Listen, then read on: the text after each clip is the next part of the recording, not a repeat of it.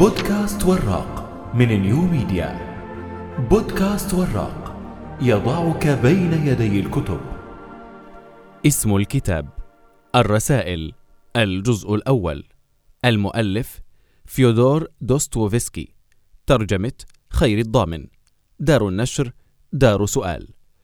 الطبعة الأولى 2017 عدد الصفحات 479 الحجم متوسط.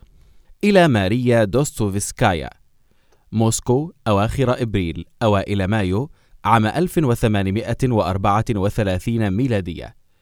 كتب دوستوفسكي هذه الرسالة وهو في الثانية عشرة من العمر.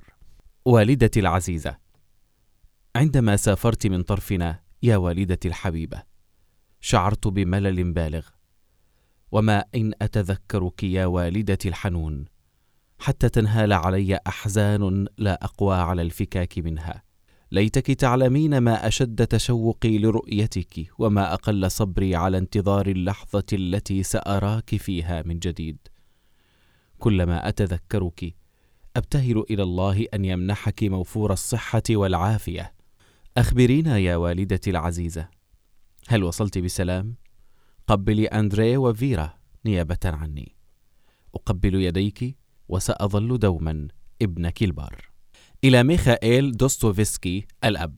بطرسبورغ الثالث والعشرين من يوليو عام 1837 ميلادية.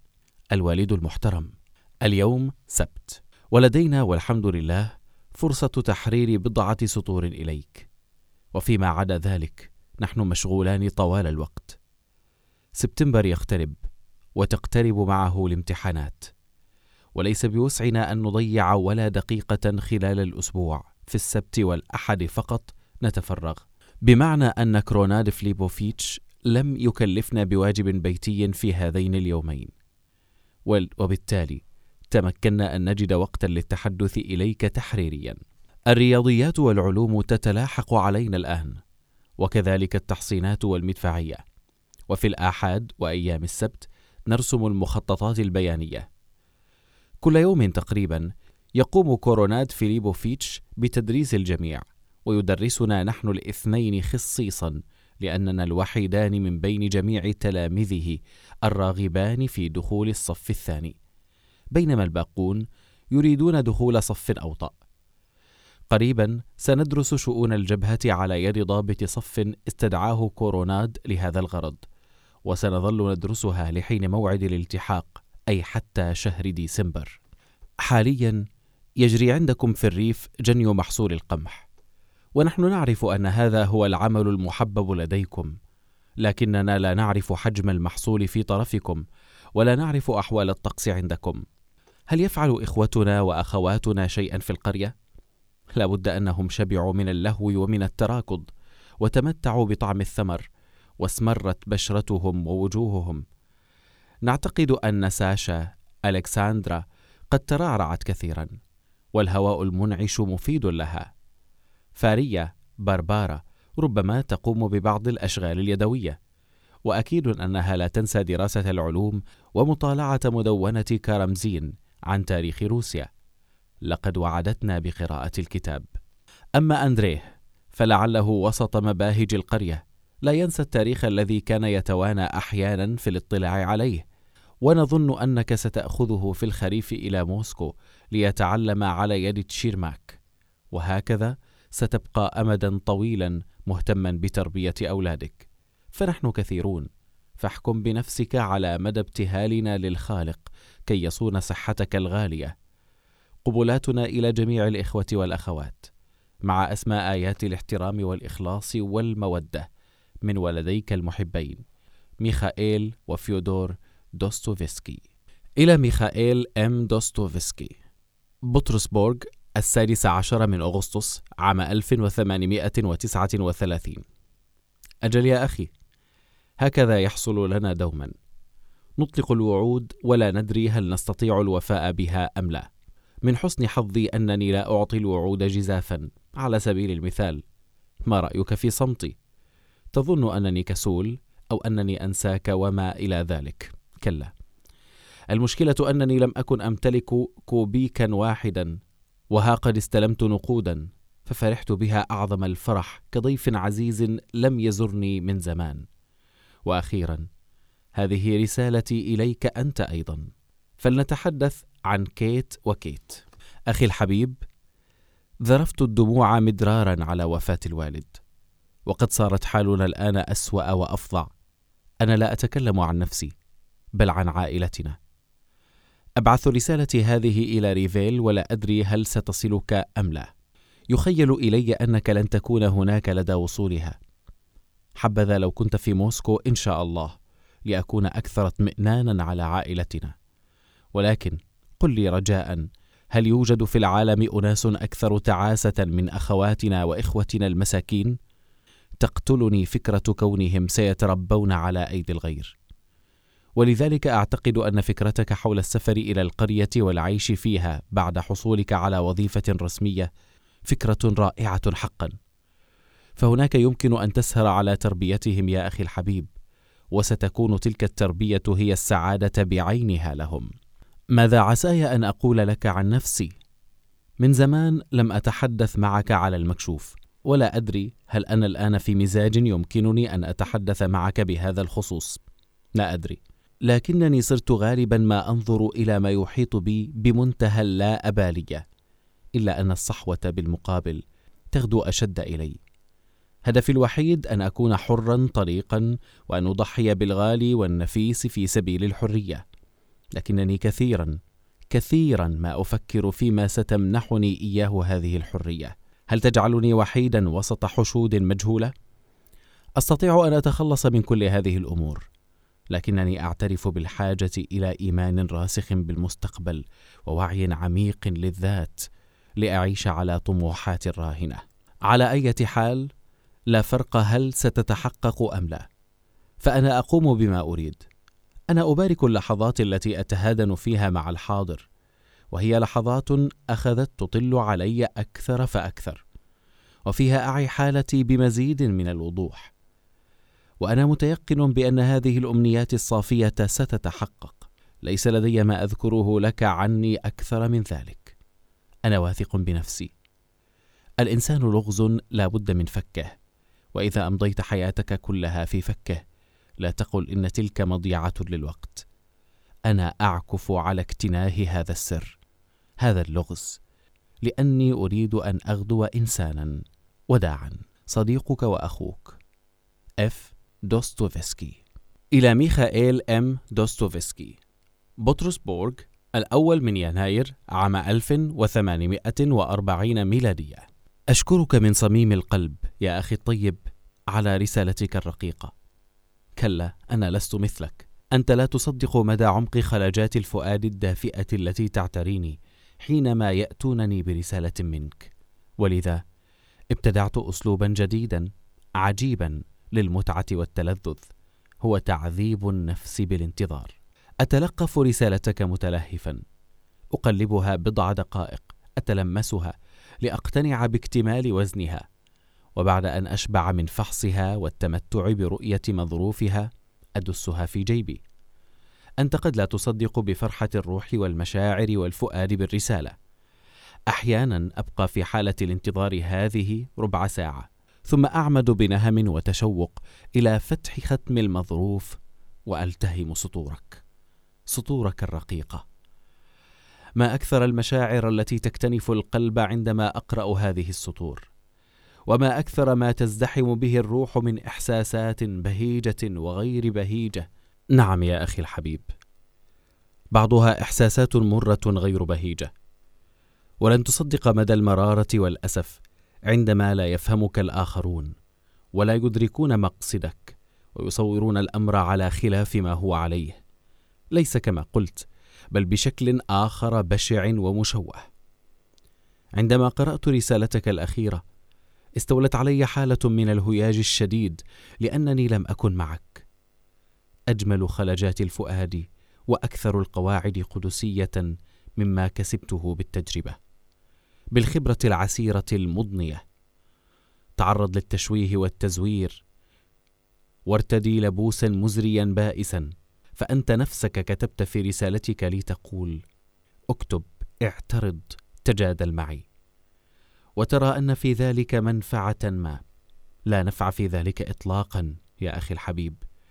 لا شيء سوى أنانيتك التي هي أنانيتنا جميعا. نحن البشر الخاطئين. ستجعلك تخرج باستنتاج نافع عن شخص آخر وليس أنا عن آرائه وقواعده وطباعه وقلة عقله. وهذا مؤسف جدا ومهين يا أخي. يخيل أن ما سيحصل هو التحجج الأبدي لإثارة الخلاف بيننا. ولكنني أترك هذا الموضوع الآن على أن أعود إليه في الصفحات الأخيرة من الرسالة. والآن فلنتحدث عن أشعارك. اسمعني يا أخي الحبيب. أنا على يقين بأن حياة الإنسان مشحونة بالمصائب والأحزان والأفراح أيضا. حياة الشاعر مفروشة بالاشواك والورود. فيما الموهبة الغنائية رفيقة الشاعر الدائمة لأنه كائن ناطق. أشعارك الغنائية رائعة ومنها النزهة والصباح ورؤيا الأم والوردة على ما أتذكر وجياد فيبي وكثير غيرها. ما أروع هذه القصة الحية عنك يا عزيزي؟ وما أحبها إلى قلبي. انذاك كنت أستطيع أن أفهمك لأن تلك الأشهر مشهودة وعالقة في الذاكرة. فما أكثر ما حصل في حياتي انذاك من غرائب الأمور وعجائبها الرائعة. تلك قصة طويلة لن أبوح لأحد بتفاصيلها. شيدلوفسكي عرض علي انذاك أشعاره. فما أقساك على شيدلوفسكي؟ لقد ظلمته وتجنيت عليه. أنا لا أريد أن أدافع عما لن يراه إلا من لا يعرفه ومن لا يغير رأيه بسهولة. أقصد معارفه وقواعده ولكنك لم تره في العام الفائت حيث أمضى السنة كلها في بطرسبورغ بلا عمل ولا وظيفة. الله أعلم لماذا أقام هنا.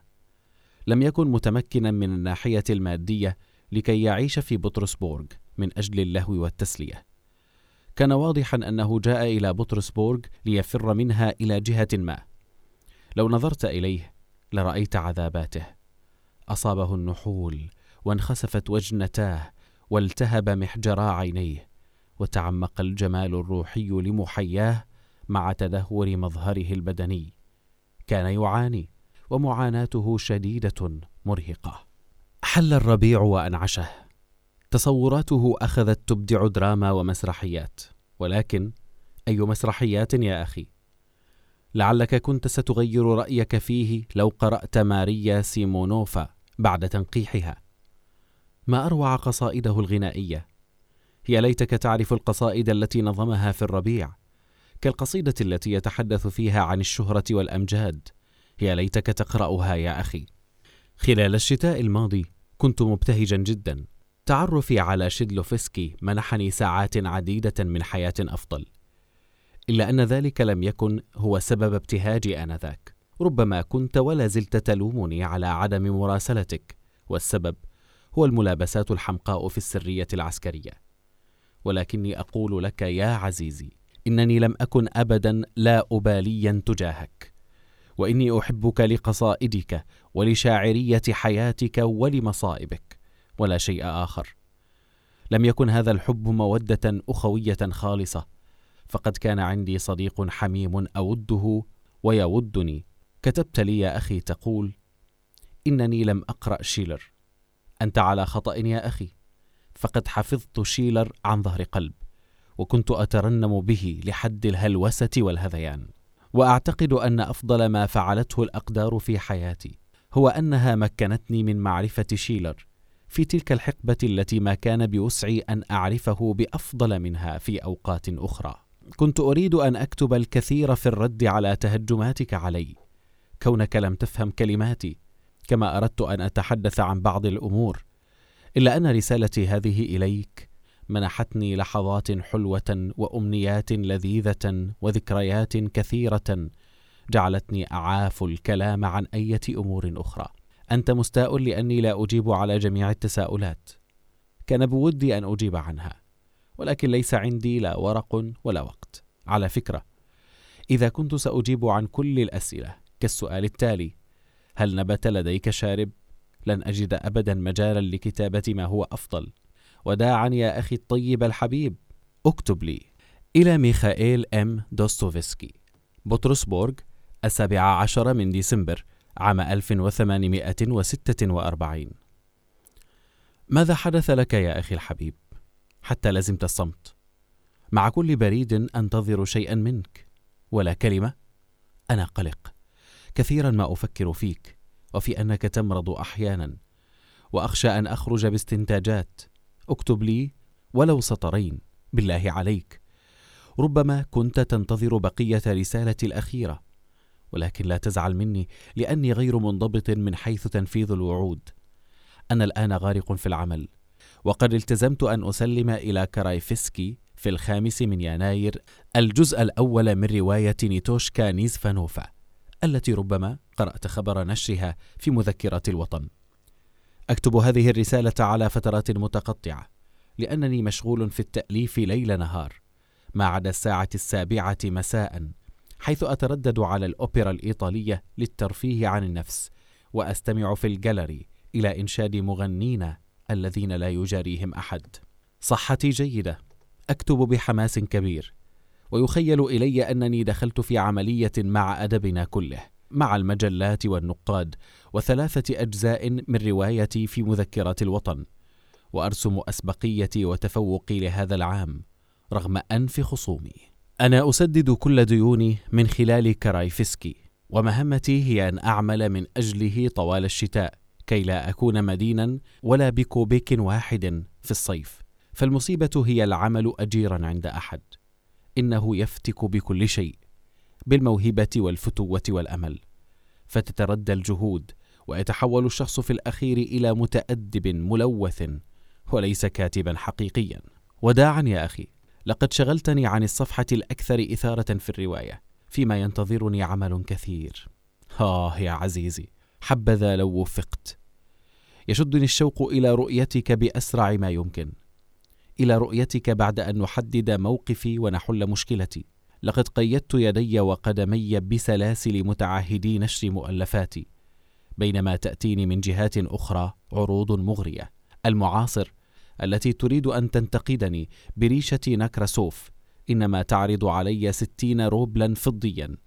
ما يعادل ثلاثمائة روبل ورقي في مذكرات الوطن ومئتين وخمسين روبلا في مكتبة المطالعة وهلم جرا مقابل كل ملزمة من مؤلفاتي.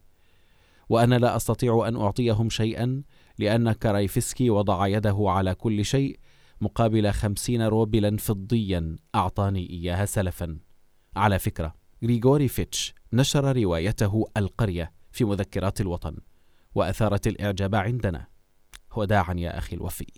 إلى ميخائيل أم دوستوفسكي سيمي بالاتنسك الثاني والعشرين من ديسمبر عام 1856 ميلادية.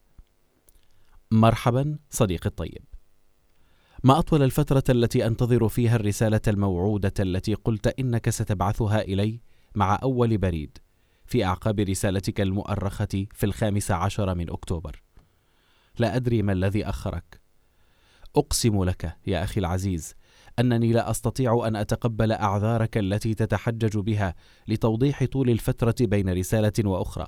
فمهما كان الشخص مشغولا إنما يجد دوما خمس دقائق لكتابة بضعة سطور لشقيقه. لكنني أفهم أن أهلنا في موسكو أخبروك بأنهم أرسلوا لي نقودا من هناك. وأنت في رسالتك المذكورة أعلاه وعدتني بإرسال بعض النقود مع البريد التالي. ويبدو أنك فكرت.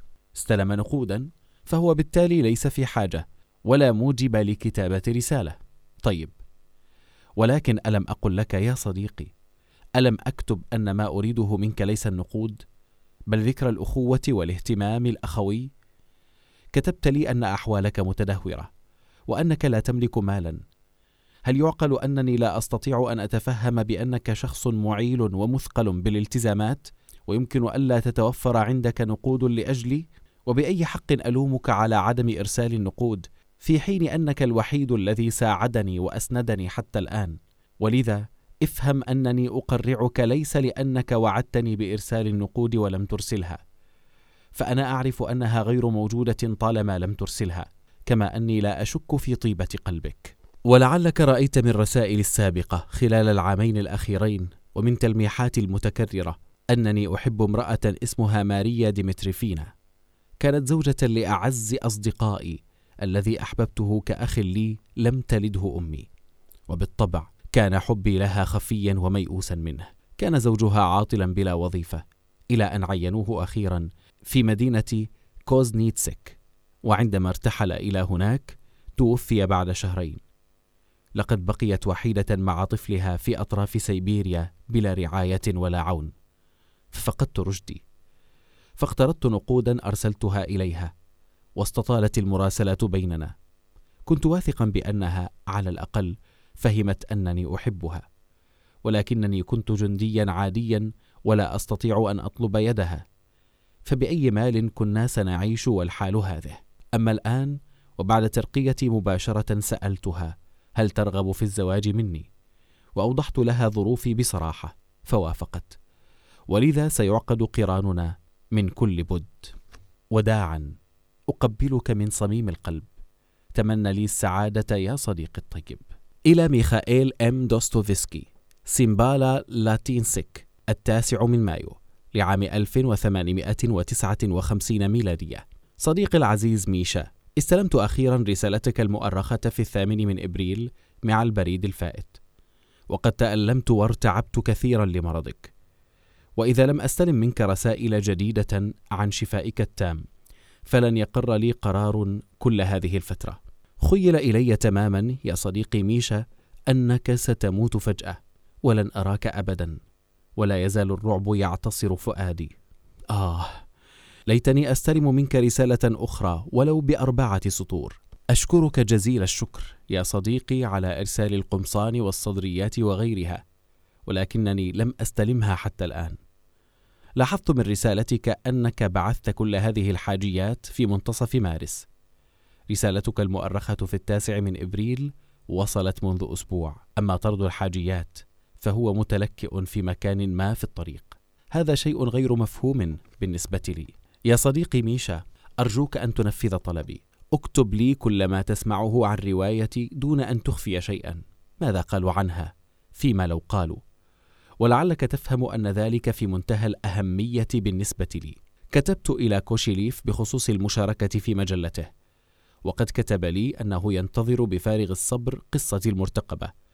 فكتبت له أنني أرغب قبل كل شيء في لقائه والتحدث معه وأبلغته أنني أخطط لرواية ضخمة وأنا شديد الرغبة في الشروع بكتابتها وحدها إلا أن بعض الملابسات تحول دون التفرغ لهذا العمل وختمت رسالتي من دون الدخول في توضيحات.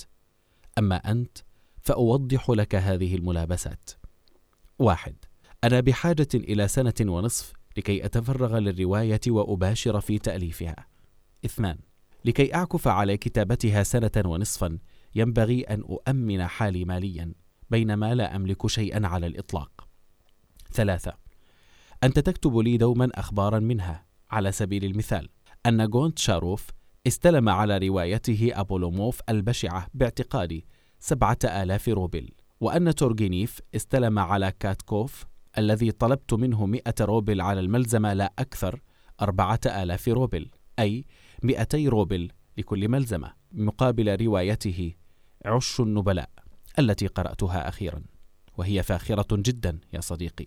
أنا أعلم علم اليقين أنني أكتب أسوأ من تورجينيف ولكن ليس أسوأ منه بكثير. ثم إنني آمل أن أكتب لا أسوأ منه إطلاقا. فلماذا أتقاضى أنا المحتاج مئة روبل فقط؟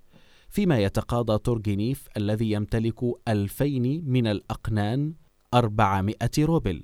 بسبب العوز أنا مضطر إلى التسرع. في حين أن الكتابة من أجل النقود تفسد النتاج حتما. ولذا أنوي أثناء اللقاء مع كوشيليف أن أقول له صراحة أن يعطيني مهلة سنة ونصف وثلاثمائة روبل على الملزمة وفوق ذلك ثلاثة آلاف روبل مقدما لتغطية تكاليف المعيشة في فترة التأليف. وإذا وافق أتعهد إلى ذلك بأن أسلمه في بداية العام القادم قصة قصيرة بملزمة طباعية ونصف لدي الكثير من حبكات القصص الطويلة. أما القصيرة فلا. وقد يبدو لك أن شروطي المتهاودة انتقلت فجأة إلى شروط متعالية إلا أن ذلك كله يعود لسبب لا تعرفه. ولما كان هذا السبب بدوره مرتبطا بسؤالك لي عن الفقراء والذي تطالبني بإجابة عاجلة عنه فإنني أنتقل هنا إلى الفقراء راسا. أنت تريد أن تبيعها إلى كوشيليف هذا شيء مستحسن لكنني أرجوك ألا تفعل لأن في ذهني فكرة أخرى وها هي أنا أنهي الآن روايتي المخصصة لمجلة كاتكوف. وقد باتت طويلة بأربع عشرة أو خمس عشرة ملزمة. ثلاثة أرباعها أرسلتها إليه وسأرسل الباقي في الأيام الأولى من يونيو. اسمع يا ميشا هذه الرواية تعاني طبعا من نواقص كبيرة جدا. لعل في مقدمها الإسهاب. إلا أنني واثق وثوقي بالبديهيات بأنها تتسم في الوقت ذاته بمزايا عظيمة وأنها أفضل نتاج كتبته. اشتغلت فيها سنتين. مع فترة توقف في منتصف حلم العم البداية والوسط منقحتان والخاتمة مكتوبة باستعجال. لكنني وضعت فيها روحي وكياني لحما ودما.